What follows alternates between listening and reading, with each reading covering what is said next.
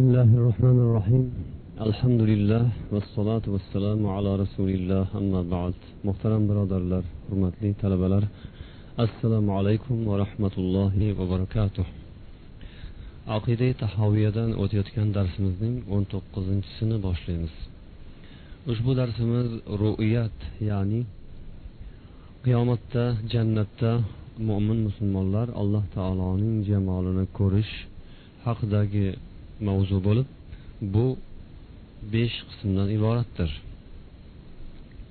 Birinchi qism jannat ahli uchun ru'yatning haq va rost ekanligi haqida aqida tahoviya matni.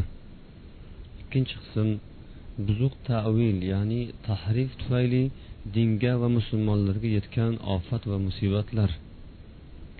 Uchinchi arab tilida nazar qilmoq kalimasining o'rniga qarab turli ma'nolarda ishlatilishi ru'yat haqida qur'on va sunnatdan dalillar va ru'yat haqidagi hadislarning mutavotirligi. To'rtinchi ru'yatni inkor etuvchilar mo'taziliylarga raddiya. Beshinchi inson ko'zining bu dunyoda alloh taoloni ko'rishdan ojiz va zaifligi. Payg'ambar sollallohu alayhi vasallamning alloh taoloni ko'rganliklari haqida sahobalarning ixtiloflari. Endi bu darsimizning tafsilotiga o'tamiz. Birinchi qism jannat ahli uchun ru'yat ya'ni jannatda alloh taoloni ko'rish haq va rost ekanligi haqida aqidai tahoviya matni. والرؤية حق لأهل الجنة بغير إحاطة ولا كيفية كما نطق كتاب ربنا.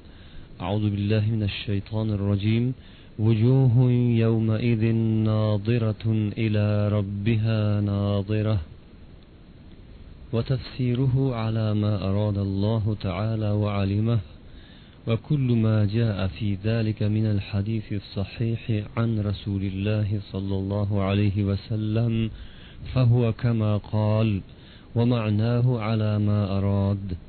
لا ندخل في ذلك متأولين بآرائنا ولا متوهمين بأهوائنا فإنه ما سلم في دينه إلا من سلم لله عز وجل ولرسوله صلى الله عليه وسلم ورد علم ما اشتبه عليه إلى عالمه.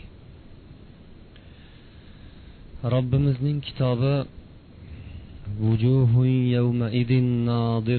إلى ربها ناظرة.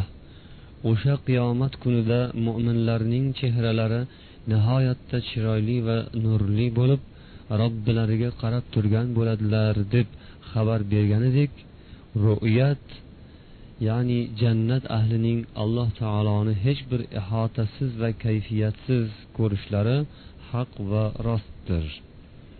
Ru'yatning mukammal ma'nosi mohiyati alloh taoloning irodasi va ilmida qanday bo'lsa o'shandaydir.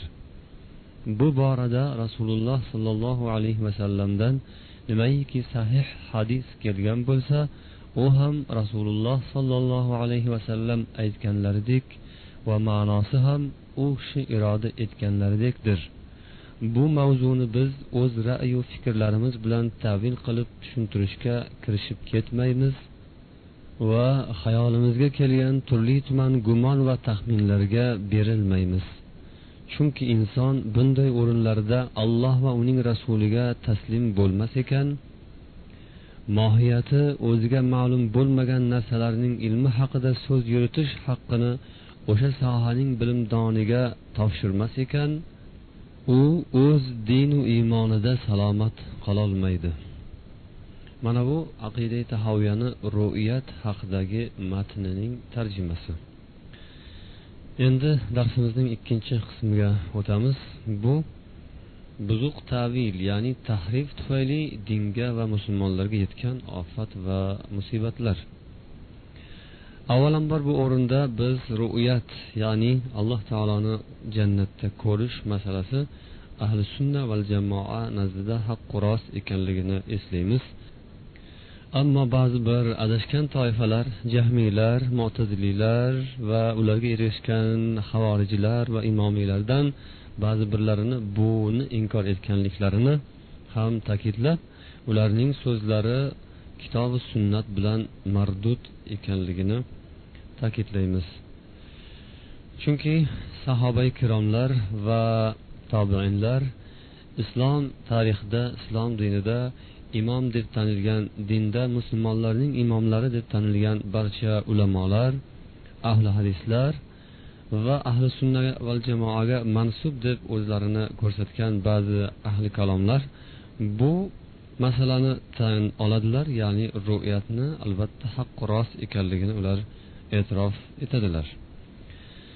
Ammo ba'zi toifalar adashgan toifalar ayniqsa mo'taziliylar ular boshqa oyatu hadislarni tavil qilib tavil qilyapmiz deb tahrif qilganlari kabi ushbu qiyomat surasining yigirma ikkinchi yigirma uchinchi oyatlari ru'yat haqidagi ochiq hujjat bo'lgan mazkur oyatlarni ham tahrif qilganlar. Ular hech bir qo'rqmasdan tahrif yo'liga o'tib ko'p musibatlar musulmonlar ustilarida ko'p baloyu ofatlarni kelishiga sababchi bo'lganlar. Jumladan aqida tahoviya shorihlari mana shunday musibatlar bu musulmonlar ustilarida paydo bo'lishi tahrif tufaylidan tavil qilyapmiz deb buzuq tavilni qo'llaganlaridan sodir bo'lganligini eslatadilar va bu ham yahudu nasorolar o'zlarining kitoblari alloh taolo tomonidan ato qilingan muqaddas tavrot va injilni tahrif qilganlari kabi. Va o'sha tahrif qilganlaridan so'ng ularning ham boshlariga kelgan musibatlar kabi musibatlar ekanini eslatiladi. Alloh taolo esa ularga o'xshab qolishdan musulmonlarni ogohlantirgan qaytargan edi. Ammo baribir musulmonlarni ichlaridan ham mana shunday kishilar bo'ldilar. Ularning tavillari tufaylidan din ahliga ko'p musibatlar yetdi. Jumladan uchinchi xalifa hazrati usmon roziyallohu anhu o'ttiz beshinchi yilda qatl etildilar shahid bo'ldilar. U kishi o'n ikki yil xalifalik qilganlaridan keyin islom olamida birinchi fitnaning qurboni bo'ldilar. Bu ham buzuq tavil natijasida paydo bo'ldi sodir bo'ldi. Xuddi shunga o'xshagan jamal voqeasi ya'ni islom tarixida o'ttiz oltinchi sanada yuz bergan va ko'p musulmon ulamolari qirilishlariga sabab bo'lgan bir musibatli voqea. Va siffin voqeasi bu ham furot daryosining yoqasida musulmonlar o'rtasida chiqqan nizo tortishuvlar o'ttiz yettinchi sanada sodir bo'lgan bu musibatli voqeada ko'pgina musulmonlar qirildilar. Va yana hazrati husayn roziyallohu anhuning oltmish birinchi yilida karbalo dashtida halok etilishlari va madina yaqinidagi harra degan joydagi bo'lgan qatl qonli voqealar bu ishlar va yana havorijlarning paydo bo'lishlari mo'taziliylarni paydo bo'lishlari rofiziylar paydo bo'lishlari payg'ambar alayhissalom oldindan aytib ogohlantirgan musulmon ummatining yetmish uch toifaga bo'linib ketishi bu hammasi shu buzuq tavil natijasida sodir bo'ldi. Ya'ni tavil qilamiz deb tahrif yo'liga o'tib ketish oqibatida sodir bo'ldi. Ushbu ru'yat masalasini ham ana shunday kimsalar tavil etamiz deb tahrif qildilar. Bu demak qur'oni karimni noto'g'ri tomonga burish va dinda turli xil oqimlar toifalar paydo bo'lishiga sabab bo'ladigan yomon bir ko'rinish edi. Shuning uchun ham mo'min musulmonlar qur'oni karimni allohu payg'ambar bizga qanday keltirgan alloh taolo tomonidan payg'ambar qanday keltirgan va o'zlari qanday tushuntirgan bo'lsalar sahobalar va tobeinlar ulamolar imomlar qanday bizga tushuntirgan bo'lsalar salaflar qanday talqin etgan bo'lsalar o'shanday tarzda tushunishga va uni o'zimizcha tavil qilishdan saqlanishga buyurilganmiz. Darsimizning uchinchi qismi arab tilida nazara ya'ni nazar qilmoq kalimasining o'rniga qarab turli xil ma'nolarda ishlatilishi. Ro'yat haqida qur'on va sunnatdan dalillar. Ro'yat haqidagi hadislarning mutavotirligi ustida to'xtalamiz. Nazara ya'ni nazar qilmoq kalimasi bir necha ma'nolarida o'rniga qarab atrofidagi qo'shimcha so'zlarga qarab qarinasiga qarab u o'zgaradi turli xil ma'nolar ifodalaydi. Agar nazara kalimasi o'zi yolg'iz kelsa o'zi mutaaddiy kalima fe'l yolg'iz kelsa hech qanday qo'shimchasiz biron bir bog'lovchi harfsiz qo'shimchasiz keladigan bo'lsa uning ma'nosi to'xtab turish qarab turish kutib turish ma'nolarini anglatadi bunga dalil qilib hadid hadid surasining o'n uchinchi oyatini eslaymiz أعوذ بالله من الشيطان الرجيم انظرونا نقتبس من نوركم qiyomat kunida kofirlar mo'minlarga qarab to'xtab turinglar. Biz ham sizlarning nurlaringizdan ozgina foydalanib olaylik dedilar shu yerda unzuruna kalimasi nazara kalimasi to'xtab turish ma'nosida kelgan. Agar nazara kalimasi fi harfi bilan fi qo'shimchasi bilan birga kelsa fi bilan mutaaddi bo'lsa uning ma'nosi tafakkur qilish o'ylab ko'rish e'tibor va ibrat olish ma'nosida keladi. Arof surasining bir yuz sakson beshinchi oyati bunga hujjat. Avalam yanzuru fi malakuti samavati val ard. Osmonlaru yerning mamlakati mulki haqida bir tafakkur qilib o'ylab ko'rmaydilarmi ibrat olmaydilarmi degandagi nazara kalimasi o'ylab ko'rish tafakkur qilish ma'nosini beradi. Agar nazara kalimasi ilah kalimasi bilan kelsa ilah bog'lovchisi bilan mutaaddiy bo'lsa unda ko'z bilan ko'rish ma'nosini anglatadi. Bu anom surasining to'qson to'qqizinchi oyatida shu ma'noda kelgan. Unzuru ila samarihi ida asmara. Meva berganda shuning mevasiga qaranglar ko'ringlar. Demak bu yerda ko'z bilan ko'rish ma'nosida keladi. Endi biz ru'yatga hujjat qilayotgan salaflar hujjat qilgan qiyomat surasining yigirma ikkinchi yigirma uchinchi oyatida ham nazara kalimasi ila qo'shimchasi bilan kelgan ya'ni ko'z bilan ko'rish ma'nosida kelgan. Yana bu yerda yuzlar alloh taologa qarab turadi degan. Bu yerda demak yuz qarab turishi demak yuzdan murod ko'z. Yuz bilan qarash degani bu yuzni o'zi emas albatta ko'z o'sha yuzda joylashgani uchun yuz deb aytiladi. Oyatda ham shu yuz deyilishi demak haqiqatan ham yuzdagi ko'z bilan ko'rish ekanligini ifodalaydi ba'zilar qalb bilan ko'radi alloh taoloni inson qiyomatda jannatda deganlariga bu oyat raddiya bo'ladiki qalb bilan ko'riladigan bo'lsa bu yerda olloh oyatda yuzlarini allohga parvardigorlarga qaratib turadilar deganku demak yuzlarini qaratib turish degandan murod demak shu yuzda joylashgan ko'z iroda etilgan bu ma'no hamma tafsir kitoblarida ham ta'kidlangan payg'ambar sollallohu alayhi vasallam rivoyatdan rivoyat qilingan hadislarida payg'ambar aytadilarki وجوه يومئذ ناظرة قال من البهاء والحسن إلى ربها ناظرة قال في وجه الله عز وجل bu hadisni imom tabariy rivoyat qilganlar ya'ni payg'ambar alayhissalom o'sha yuqoridagi oyatni keltirib yuzlar juda ham go'zal chiroyli nurli bo'lgan holda xursand bo'lganlaridan chiroyli bo'lib nurli bo'lib ketadilar va robbilariga qarab turadilar roblarning yuziga qarab turadilar degan ma'noni berdilar. Ahli sunna va jamoa ulamolaridan hammalari biron bir kishi qolmasdan bu ma'noni ta'kidlashgan. Barcha ahli sunna ahli hadislar hammalari mana shunday tafsir qilishgan. Undan keyin alloh taolo yana qof surasining o'ttiz beshinchi oyatida lahum ma yasha'una fiha valadayna mazid deydi.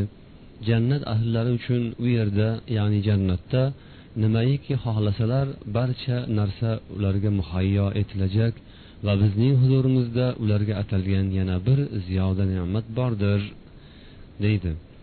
Imom tabariy bu oyatning tafsirida hazrati ali ibn abi tolibdan rivoyat qilib va anas ibn molik roziyallohu anhulardan rivoyat qilib aytadilarki o'sha ziyodalik alloh huzurida atab qo'yilgan ziyodalik allohning yuziga nazar solish boqishdir deganlar. Yana yunus surasining yigirma oltinchi oyati lillazina ahsanul husna va ziyada deydi. Ehson yaxshilik qilganlar uchun husno yaxshilik bor va yana bir ziyoda ortiqcha ne'mat bor deydi. Bu yerdagi al husno yaxshilikdan murod jannat az ziyada yana bir ortiqcha ziyoda ne'mat esa u alloh taoloning yuziga boqishdir mana shunday tafsirni rasululloh sollallohu alayhi vasallam va u kishidan so'nggi sahobalar marhamat etishgan buni imom muslim o'zlarining sahihlarida suhayb roziyallohu anhudan rivoyat qilganlar aytadilarki قرأ رسول الله صلى الله عليه وسلم للذين أحسنوا الحسنى وزيادة قال إذا دخل أهل الجنة الجنة وأهل النار النار نادى مناد يا أهل الجنة إن لكم عند الله موعدا ويريد أن ينجزكموه. فيقولون ما هو؟ ألم يثقل موازيننا ويبيض وجوهنا ويدخلنا الجنة ويجرنا من النار؟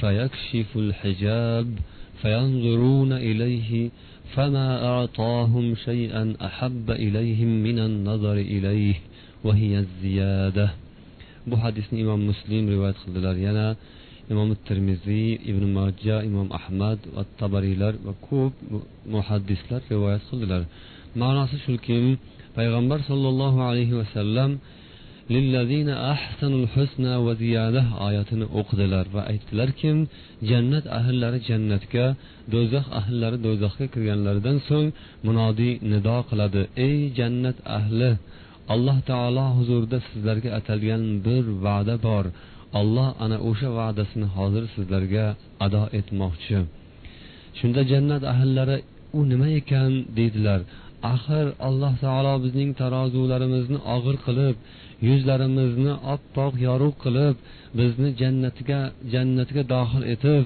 do'zaxdan qutqardiku. Yana qanday ne'mat bor ekan? Shunda alloh taolo hijobni ochadi hijobni pardani ko'taradi jannat ahllari unga qaraydilar. Shunday qilib alloh taolo jannat ahllari uchun uning yuziga allohga qarashdan ham ko'ra suyukroq suyukliroq va ulug'roq buyukroq ne'mat ato etmaganligini biladilar. Mana shunday qilib ko'pgina mufassirlar va muhaddislar bu ma'noni qat'iy ta'kidlab o'tganlar va bu ahli sunna va jamoaning muhim belgilaridan biri bo'lib qoldi ya'ni ru'yatga ishonish tasdiq qilish. Allohni inson mo'min inson jannatda o'z ko'zi bilan ko'rishiga ishonish ahli sunna va jamoa belgilaridan muhim belgilaridan bo'lib qoldi. Ushbu ro'yat haqidagi hadislar payg'ambar sollallohu alayhi vasallam va sahobalardan qilingan rivoyatlar bu mutavotir hadislardir. Bu hadislarni sihoh sahih kitoblaru musnadlaru sunan kitoblarining mualliflari hammalari barchalari rivoyat qilganlar. Ulardan ba'zilarini misollarini keltiramiz. Sahihaynda buxoriy va muslimdan qilingan rivoyat حديث أبي هريرة رضي الله عنه قالوا يا رسول الله هل نرى ربنا يوم القيامة abu hurayra roziyallohu anhudan rivoyat qilinadi bir guruh odamlar musulmonlar payg'ambardan yo rasululloh biz robbimizni qiyomatda ko'ramizmi deb so'radilar فقال رسول الله صلى الله عليه وسلم هل تضارون في رؤية القمر ليلة البدر payg'ambar alayhissalom sizlar to'lin oy kechasida oy to'lgan kechada oyni shunday aniq ravshan ko'rishda shubhalanasizlarmi Qolu la ya rasululloh yo'q yo rasululloh albatta oy to'lgan kechada uni aniq ravshan ko'ramiz unga hech bir shubha qilmaymiz dedilar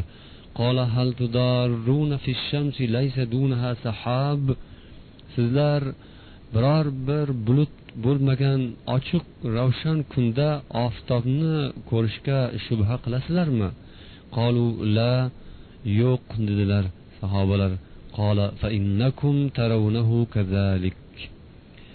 shunday bo'lsa sizlar xuddi shunga o'xshab albatta alloh taoloni ham aniq ko'rasizlar dedilar bunga o'xshagan hadislarni juda ko'p muhaddislar rivoyat qilganlar yana bir hadisda aytadilar sahobalardan birlari kunna julusan ma'an nabiyyi sollallohu alayhi vasallam فنظر إلى القمر ليلة, ليلة أربع عشرة فقال إنكم سترون ربكم عيانا كما ترون هذا لا تضامون في رؤيته. بو حديثنا بخاري مسلم ابن مندى ابن ماجه ترمذي أبو داود أحمد ابن خزيمة وبشخ محدثنا رواية خلدلر bir بس biz صلى الله عليه وسلم bilan birga o'tirgan edik صحابة sahobalardan عبد الله البجالي ibn abdulloh al bajali shunda payg'ambar alayhissalom o'n to'rt kechalik oyga qaradilar va dedilar sizlar yaqinda parvardigorlaringizni ochiq ravshan ochiq oydin ko'rasizlar. Xuddi mana shu oyni ko'rib turganday ko'rasizlar. u ollohni ko'rishda hech bir shakku shubhasiz va hech bir qiyinchiliksiz mashaqqatsiz bemalol ko'rasizlar dedilar alloh taolo barchamizga nasib aylasin bu ulug' ne'matni yana imom buxoriy hazratlari adi ibn hotimdan rivoyat qilgan hadislarida aytadilar وليلقين الله أحدكم يوم يلقاه وليس بينه وبينه حجاب ولا ترجمان يترجم له mana shunday deb boshlanadigan hadisda aytiladiki sizlardan birlaringiz qiyomat kunida alloh taologa yo'liqadi. O'shanda u bilan olloh o'rtasida hech qanday hijob va tarjima qiladigan tarjimon ham bo'lmaydi. Bunga o'xshagan hadislar juda ham ko'p. Ru'yat hadislarini o'ttizga yaqin sahobiy rivoyat qilganlar shunday qilib bu ru'yat hadislari mutavotir va hech qanday rad va inkor etishga o'rin bo'lmagan va yana ta'kidlab takrorlaymiz kim? Ahli sunna val jamoa e'tiqodiga mansub bo'lgan insonlarni muhim belgilari va alomatlaridan biridir. Endi darsimizning to'rtinchi qismi mo'taziliylarga raddiyaga bag'ishlanadi. Bu mo'taziliylar toifasi avvaldan ma'lum bo'lganidek ular o'zlarini aqllariga haddan ziyoda ko'p erk va o'rin berib dindagi ko'p masalalarni aqllari tarozusiga solib o'zlaricha tahlil qilib o'zlaricha tushunishga harakat qilganlar. Jumladan mana shu ru'yatni ham ular inkor etdilar. Ularning davolarini biroz ko'rib o'tamiz. Mo'taziliylar arof surasining bir yuz qirq uchinchi oyati qolalantaroni oyatini hujjat qiladilar. Ya'ni alloh taolodan muso payg'ambar o'zining jamolini allohning jamolini bir ko'rsatishni so'raganlarida olloh u kishiga meni aslo ko'rolmaysan deb javob qilgan edi. Shuni hujjat qiladilar. Mana bu yerda lan kalimasi arab tili qoidasi bo'yicha hech qachon degan ma'noni bildiradi. Demak lan taroni meni hech qachon ko'rolmaysan degani demak bu dunyoda ham oxiratda ham alloh taoloni ko'rib bo'lmaydi deb ular davo qiladilar. Va yana ikkinchi bir oyat anom surasining bir yuz uchinchi oyati la tudrikuhul absor alloh taoloni ko'zlar idrok eta olmaydi degan oyatini ular hujjat qiladilar. Lekin bu oyatlar ularning o'zlarini zararlariga hujjatdir. Ya'ni alloh taolo u kishiga bu savolni so'ramang bunday bo'lmagan narsani so'ramang deb rad etgani yo'q. Balkim lantaroni meni siz aslo ko'rolmaysiz dedi. Lekin bunga e'tibor berilsa inni la uro deb aytmadi. Ya'ni men ko'rinmaydigan zotman meni ko'rish mumkin emas joiz emas men ko'rinmaydigan narsaman deb aytmadi. Agar men ko'rinmaydigan zotman desa bu bilan lantaroni meni hech qachon ko'rolmaysiz degani o'rtasida albatta farq aniq. Bu o'zaro insonlar o'rtasidagi iboralarda ham ishlatiladi. Shunga o'xshagan narsani masalan bir yosh bola misolida tushunishimiz mumkin. Bir bolani oldiga agar bir ovqat qo'yilgan bo'lsayu o'sha ovqatni yeyish mumkin bo'lmasa ya'ni u bolaga zarar yetadigan ovqat bo'ladigan bo'lsa uni aytiladiki buni sen yeyolmaysan senga mumkin emas sen buni hech ham yeya olmaysan deyiladi. Agar o'sha ovqatning o'rnida boshqa narsa bo'lsa tosh bo'lsa unda aytiladiki buni san hech qachon yeyolmaysan deyishni o'rniga bu yeb bo'lmaydigan narsa deyilar edi. Shunga o'xshagan bu yerda ham siz meni hech qachon ko'rolmaysiz deyish bilan men ko'rinmaydigan zotman deyishning o'rtasida farq bor edi. Alloh taolo men ko'rinmaydigan zotman demadi. Balkim toqqa nazar soling. Agar tog' o'z o'rnida sog' salomat qolsa siz meni ko'ra olasiz dedi. Keyin alloh taolo tog'qa o'zining jamolini tajalli etdi ko'rsatdi. Tog' esa bir zumda portlab parcha parcha bo'lib titilib kukunga zarralarga aylandi. Chang g'uborga aylanib ketdi. Demak bu yerda toki shunday salobati shunday mustahkamligi va buyuk ulkan bir maxluq ekanligi bilan ham alloh taoloning jamoliga toqat qila olmadi. Alloh taoloning jamolini ko'tara olmasdan u parchalanib yo'q bo'lib ketdi. Kukunga aylanib changu g'uborga aylanib ketdi. Ya'ni bu bilan alloh taoloni ko'rishga bu dunyodagi maxluqotlar mavjudotlarning toqatlari yetmasligi ma'lum bo'ldi ya'ni arof surasining bir yuz qirq uchinchi oyatida فلما تجلى ربه للجبل جعله دكا uning robbisi tog'ga tajalli etib jamolini oshkor etganda u tog'ni parcha parcha mayda mayda qilib qum zarralaridek chang g'uborlaridek qilib tashladi degan ma'nodagi oyat. Demak bu yerdan ko'rinadiki alloh taoloning jamoli tajalli bo'lishi mumkin. Demak alloh taolo o'zini ko'rsatishi mumkin. Toqqaki demak olloh o'zini ko'rsatdimi? Tog' ham bir maxluq edi. Tog' ham shu dunyoda bir mavjud edi. Ungaki alloh taolo o'zini ko'rsatdi. Demak alloh taolo ko'rinadigan zot. U ko'rib bo'lmaydigan zot emas. Toki hech qanday savobu azobga mustahiq bo'lmaydigan loyiq bo'lmagan bir narsaga alloh taolo o'zini ko'rsatishi mumkin ekan. Demak o'zining elchilari payg'ambarlari va do'stlariga izzatu ikrom joyida ya'ni jannatdek mehmonxonasida ko'rsatishi hech ham taajjubli emas. Bu albatta bo'ladigan narsa albatta mo'minlarga nasib bo'ladigan narsa. Lekin meni ko'rolmaysiz degani bu dunyoda meni hech qachon ko'rolmaysiz degan ma'noda edi. Buni hujjatlari ham shu qur'oni karimda mavjud. Ya'ni yahudiylar haqida alloh taolo qur'onda baqara surasining to'qson beshinchi oyatida abada degan ya'ni yahudlar o'zlarini alloh taoloning yaqin kishilarimiz yaxshi ko'rgan o'g'illarimiz bolalarimiz deydilar agar shunday bo'lsa ular o'limni orzu qilib ko'rsinlarchi? Yo'q aslo orzu qilmaydilar o'limni ular hech qachon orzu qilmaydilar degan. Lekin zuhruf surasining yetmish yettinchi oyatida esa deb ularni jahannamda jahannam xazanalari jahannam egalari farishtalariga azob farishtalariga qiladigan yalinishlari iltijolarini nidolarini murojaatlarini keltirgan. Ular jahannamda yotib kofirlar aytadilarkim ey jahannamning egasi ey azob farishtasi sen robbingga aytgin bizni o'ldirsin. Bizni bunday azobdan ko'ra o'ldirgani bizni jonimizga oro kirardi. Bizni o'ldirsinu biz qutulaylik deydilar ya'ni ular o'limni orzu qiladilar.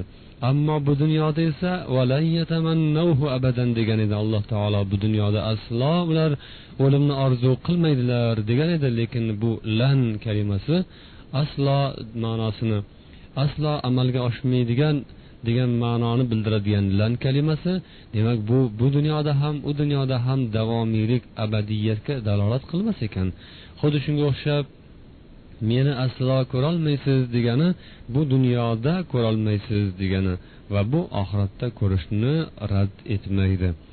Ikkinchi oyat ya'ni anom surasining bir yuz uchinchi oyati la tudrikuhul abusor alloh taoloni ko'zlar idrok eta bilmaydi degan oyatni ham hujjat qilgan edilar. Bu oyatning mazmuni alloh taoloni ko'zlar idrok qila bilmaydi degani ollohni ko'zlar ko'rolmaydi degani emas balkim ko'radiku lekin mohiyati ma'nosi mohiyati nima ekanligini baribir bilolmaydilar. Bu ko'zlar u alloh taoloni ko'rsada lekin mohiyatan yuz foiz idrok qila olmaydi. Ya'ni bu alloh taoloning azamati qudrati buyukligining mukammalligiga dalolat qiladi demak alloh taoloni ko'riladi lekin idrok etilmaydi ko'rish boshqa idrok boshqa idrok bu ko'rishdan ko'ra ortiqroq narsa. Idrok etish butunlay egallash butunlay hamma tomonlama anglash degani. Alloh taoloni hech qachon hamma tomonlama mohiyatan idrok etish anglash mumkin emas.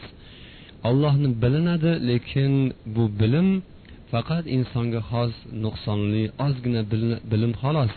Lekin idrok etib bo'lmaydi. Alloh taoloni nima qanday zot ekani mohiyatini inson har qancha ilmli bo'lsa ham idrok etolmaydi. Alloh taoloni ilm bilan ihota qilolmaydilar idrok eta olmaydilar. Demak idrok etish ihota etish hamma tomonlama o'rash hamma tomonlama bilib olish bu mumkin emas.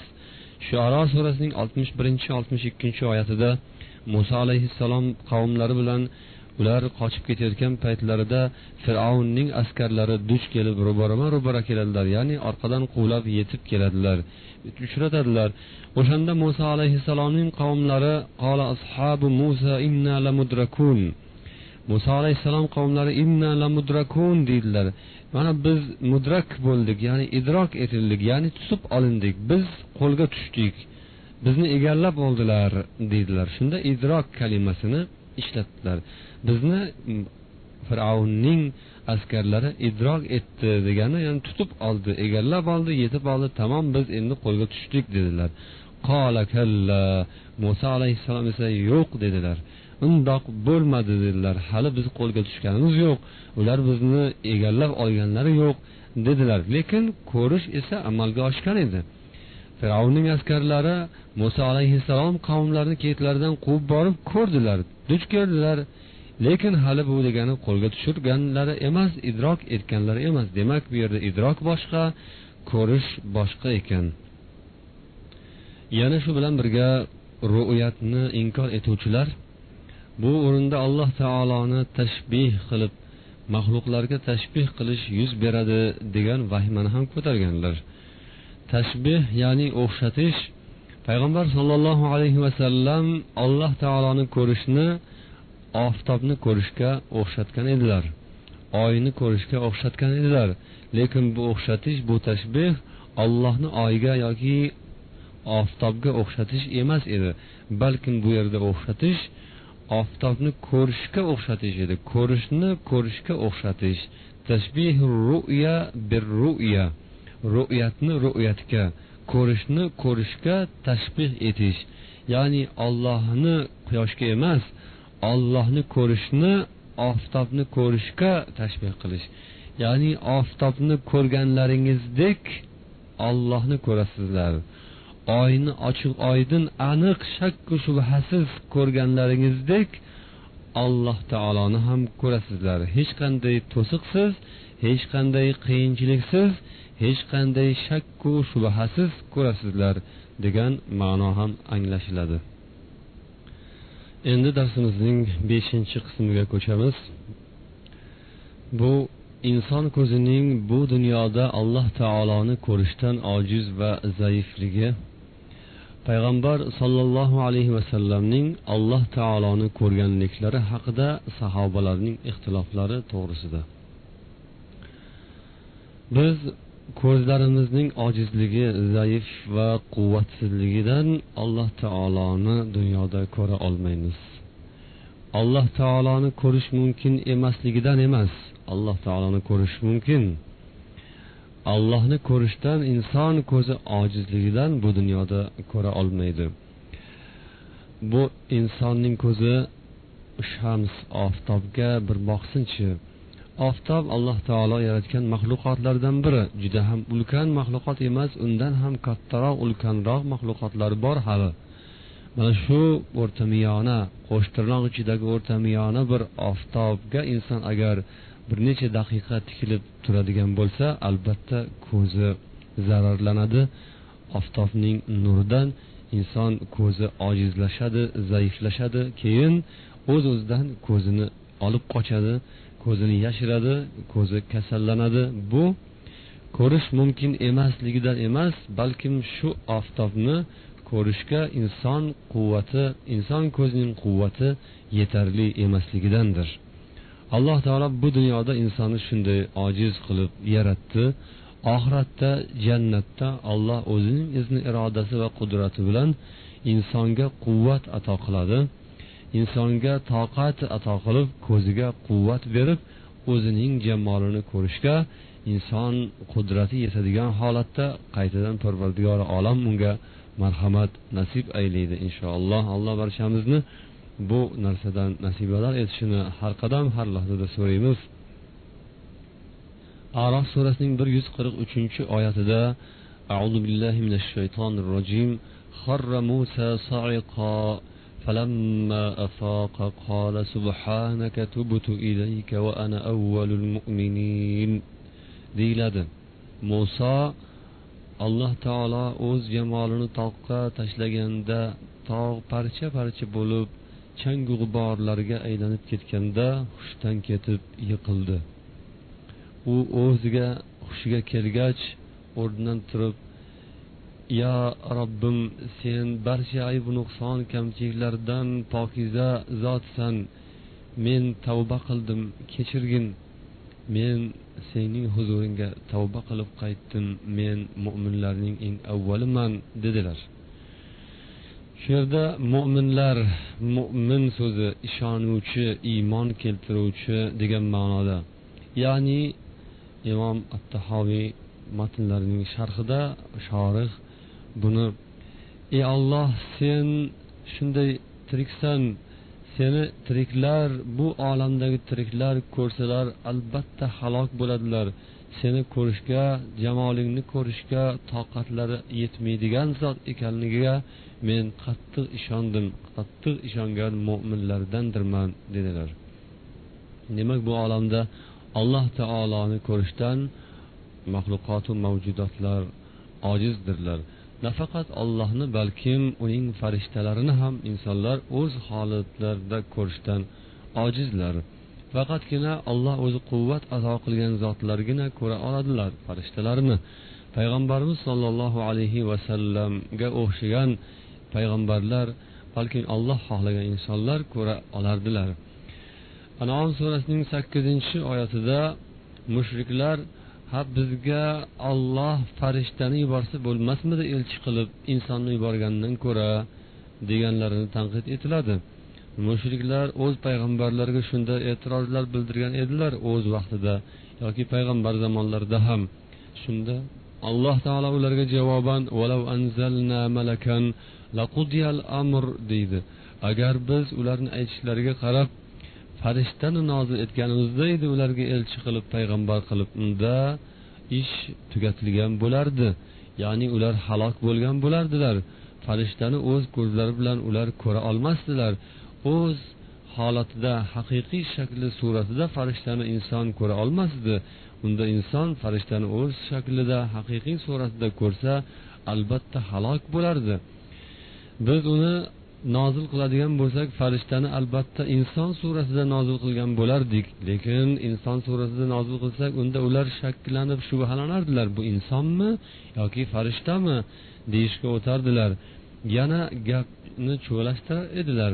Shunday qilib alloh taolo insonlarga marhamati tufaylidan ularning o'zlarini ichlaridan elchilarni payg'ambarlarni yuborgan. Demak farishtalarni ham o'z hay'atlarida haqiqiy suratlarida inson ko'rishga toqati yetmaydi.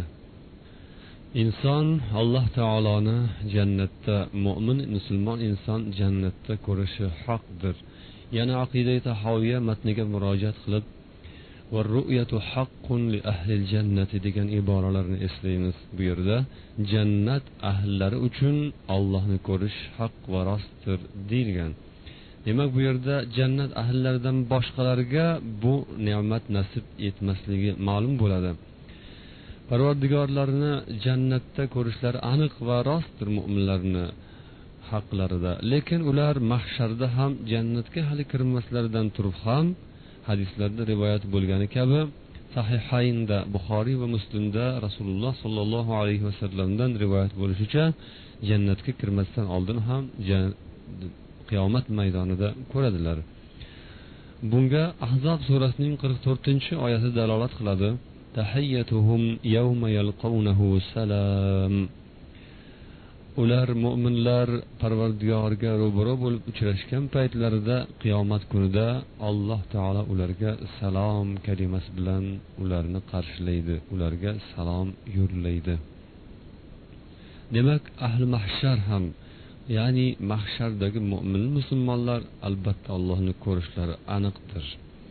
Ammo mana shu o'rinda ahli mahsharlar hammalari ko'radilarmi allohni degan masalada ixtiloflar bo'lgan. Ba'zilar alloh taoloni faqat mo'minlar ko'radi deydilar. Ba'zilar esa ahli mavqif hamma mo'minlar ham kofirlar ham ko'radilar keyin kofirlardan hijob tortiladi. Alloh taolo g'oyib bo'ladi kofirlardan uni keyin ko'rmaydilar deydilar. Ba'zilar esa mo'minlar bilan munofiqlar birgalikda ko'radilar kofirlar ko'rmaydilar deb aytganlar lekin mo'min musulmonlarning ko'rishlari bu aniqdir. Bu dunyoda insonlar alloh taoloni o'z ko'zlari bilan ko'rishlari mumkin emasligi haqida barcha ulamolar barcha insonlar muttafiqdirlar. Ammo faqatgina hazrati payg'ambar muhammad sollallohu alayhi vasallamni alloh taoloni shu dunyoda o'z ko'zlari bilan ko'rdilarmi yoki yo'qmi bu borada ixtiloflar bo'lgan ulamolar o'rtalarida. Bu ixtiloflarning asosi sahobalar o'rtalaridagi ixtilofga borib taqaladi. Sahobalar ham bu borada ixtilof qilgan ekanlar. Lekin hazrati oysha roziyallohu anhu onamiz buni inkor etdilar. Ya'ni payg'ambarimizni ollohni ko'rganlarini inkor etganlar. Bu hadisni imom buxoriy muslim imom ahmad nasaiy va boshqa bir qancha kishilar rivoyat qildilar. Hazrati masruq roziyallohu anhu oysha onamizdan so'radilar. Ya'ni payg'ambarimiz sollallohu alayhi vasallam alloh taoloni o'z ko'zlari bilan ko'rganmilar deganlarida u kishi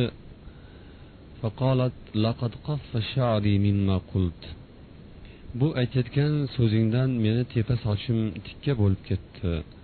dedilar hazrati oysha onamiz ثم قالت من حدثك أن محمدا رأى ربه فقد كذب kimki senga agar muhammad parvardigorlarini ko'rdilar deb aytgan bo'lsa u yolg'on aytibdi ثم قال وقال جماعة بقول عائشة رضي الله عنها keyin bu rivoyat davom etib bir qancha jamoa ya'ni sahobalardan bir qanchalari oysha roziyallohu anhu onamizning so'zlarini tasdiqlaydilar. Bu ibn masud abu hurayra va bir qancha sahobalardan rivoyat bo'lgandir. Hazrati masruq o'sha so'zni aytganlarida ey onajon shoshilmang axir alloh taolo qur'oni karimda takvir surasining yigirma uchinchi oyatida